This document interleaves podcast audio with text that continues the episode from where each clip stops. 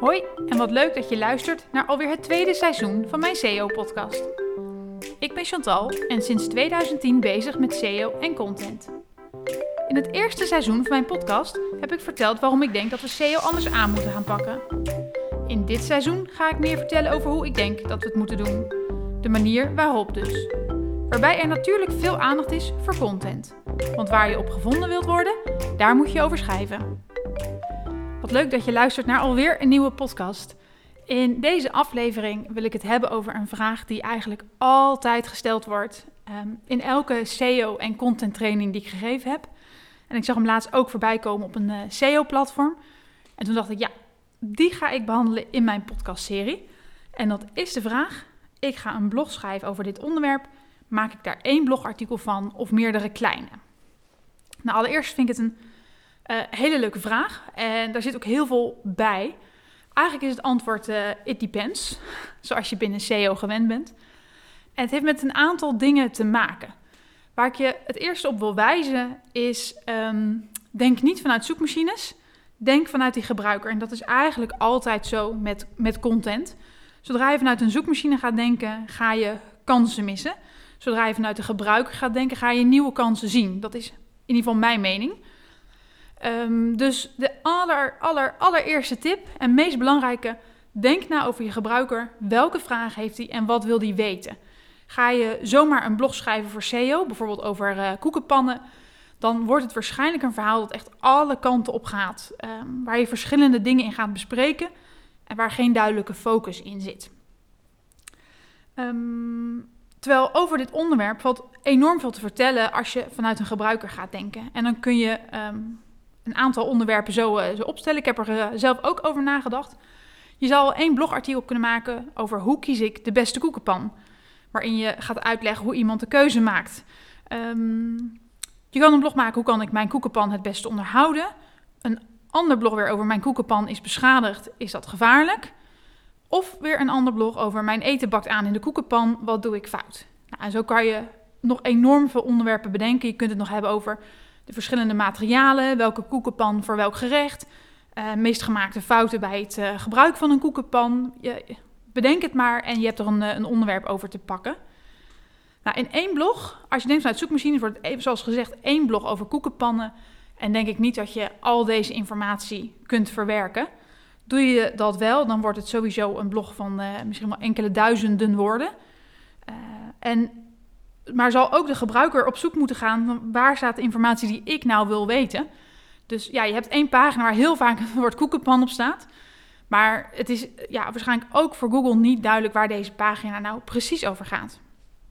Dus ik zal zeggen, splits dit op en maak verschillende blogartikelen met elk een eigen focus, met een hele duidelijke um, structuur en die heel goed aansluit bij de intentie van je bezoeker. Wat wil jouw bezoeker weten? En dan kom je eigenlijk bij het verhaal, dan kun je ook de semantiek per pagina opbouwen. En dat is denk ik heel belangrijk. Op het moment dat je één blog maakt over koekenpannen, kan je dat bijna niet semantisch houden. Dan ga je er zoveel over vertellen. Dan wordt het omveld zo groot dat ik denk dat je het omveld kleiner moet gaan maken. Dus in de blog over beste koekenpan ga je woorden gebruiken als goed, beter, beste, uh, prijs-kwaliteit of prijs-kwaliteit verhouding. Misschien de goedkoopste keuze, Um, de keuze als, je, uh, als geld er niet toe doet en je kunt alles uh, betalen, welke pan is dan het beste? Misschien wil je iets vertellen over welke pan het beste is voor welk gerecht. Dan ga je de verschillende merken behandelen. En dan heb je eigenlijk een blogartikel dat een heel thema heeft rondom die beste koekenpan. Nou, datzelfde ga je doen als je een blogartikel gaat maken over het onderhoud van een koekenpan. Dan ga je het hebben over vaatwasser, afwassen, schuursponsen, invetten, nou, do's en don'ts. En dan heb je eigenlijk weer een hele semantiek over onderhoud en alles wat bij dat onderwerp hoort. En dan zal je denken van ja, hoe weet Google dat nou, hoe iets semantisch in elkaar zit? En dan denk ik dat, ze, dat je kunt zeggen dat ze daar echt heel veel uh, slimmer in zijn dan een aantal jaar geleden. Dan pak ik het voorbeeld wat ik vaker geef. Dat je in de, uh, op de zoekterm skilers zie je in de mensenvraag ook de zoekvraag: is skaten goed om af te vallen? Dus hij kan sowieso als skieler skaten en afvallen aan elkaar linken. En als je dan kijkt op de pagina die hij laat zien, um, gaat het daar eigenlijk nergens over afvallen. Maar dan heeft hij het uh, een keer over calorieën, een spierbundel en calorieën verbranden. Dus Google snapt heel goed hoe het omveld van afvallen in elkaar zit. Dus ehm, probeer dat ook geconcentreerd te houden. Maar ga het niet overdoen. Ga niet zeggen van, dat je terug gaat naar het keyword focus verhaal. Ik maak één pagina over afvallen, één over gewichtsverlies en één over calorieën verbranden. Dan, zit je, dan ga je te veel cannibaliseren. En, maar ja, je hoort al, het, het, is een heel erg it depends verhaal. Wat ik al zei, dit zijn we gewend van, uh, van SEO. En die knip, ik noem dit altijd een knip van de ene pagina naar de andere, is altijd maatwerk. Ik kan nooit zeggen, hier ligt altijd de knip, daar ligt altijd de knip. Dat hangt eigenlijk van twee dingen af. Hoeveel wil, jij, wil jouw gebruiker weten? En hoeveel heb jij te vertellen over dit onderwerp? En als je dat allebei in beeld hebt, dan weet je denk ik heel goed waar je de knip moet leggen. En dat wil niet zeggen dat je in één keer ook de juiste keuze kan maken. Uh, of moet maken. Je kan hier altijd op terugkomen en besluiten toch weer een artikel samen te voegen. Um, of toch een artikel later uit elkaar te trekken als je er te veel over te vertellen hebt. Dus um, het is niet zo dat je in één keer de juiste keuze moet maken. Hoe pak je dit nou aan? Ik denk dat het belangrijk is om als eerste een helder plan te hebben. Wat is mijn thema? Bijvoorbeeld koekenpan.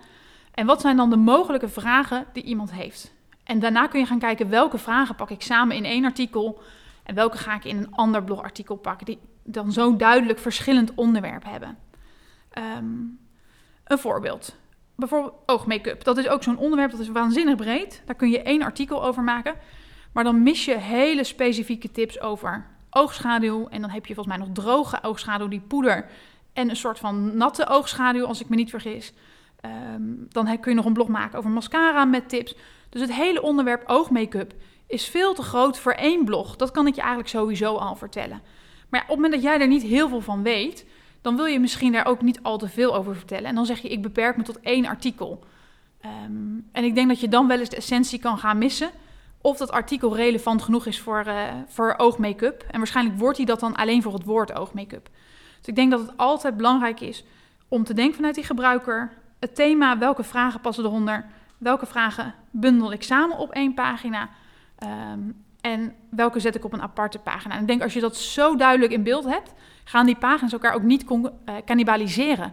Want Google weet heel goed dat een blogartikel met de beste koekenpan een hele andere intentie is dan een blogartikel over het onderhouden van een koekenpan. Dus daar hoef je ook echt niet bang voor te zijn. Um, en dan kan je hooguit zeggen, ja, maar op het woord koekenpan, hoe kom ik daar dan op mee? Nou, en ik denk dat je daarvoor een, uh, nu, tot nu toe, zeg ik erbij, in Nederland de categoriepagina voor hebt. Um, die je op het woord koekenpan kunt optimaliseren en daarop zal, uh, zal moeten gaan renken.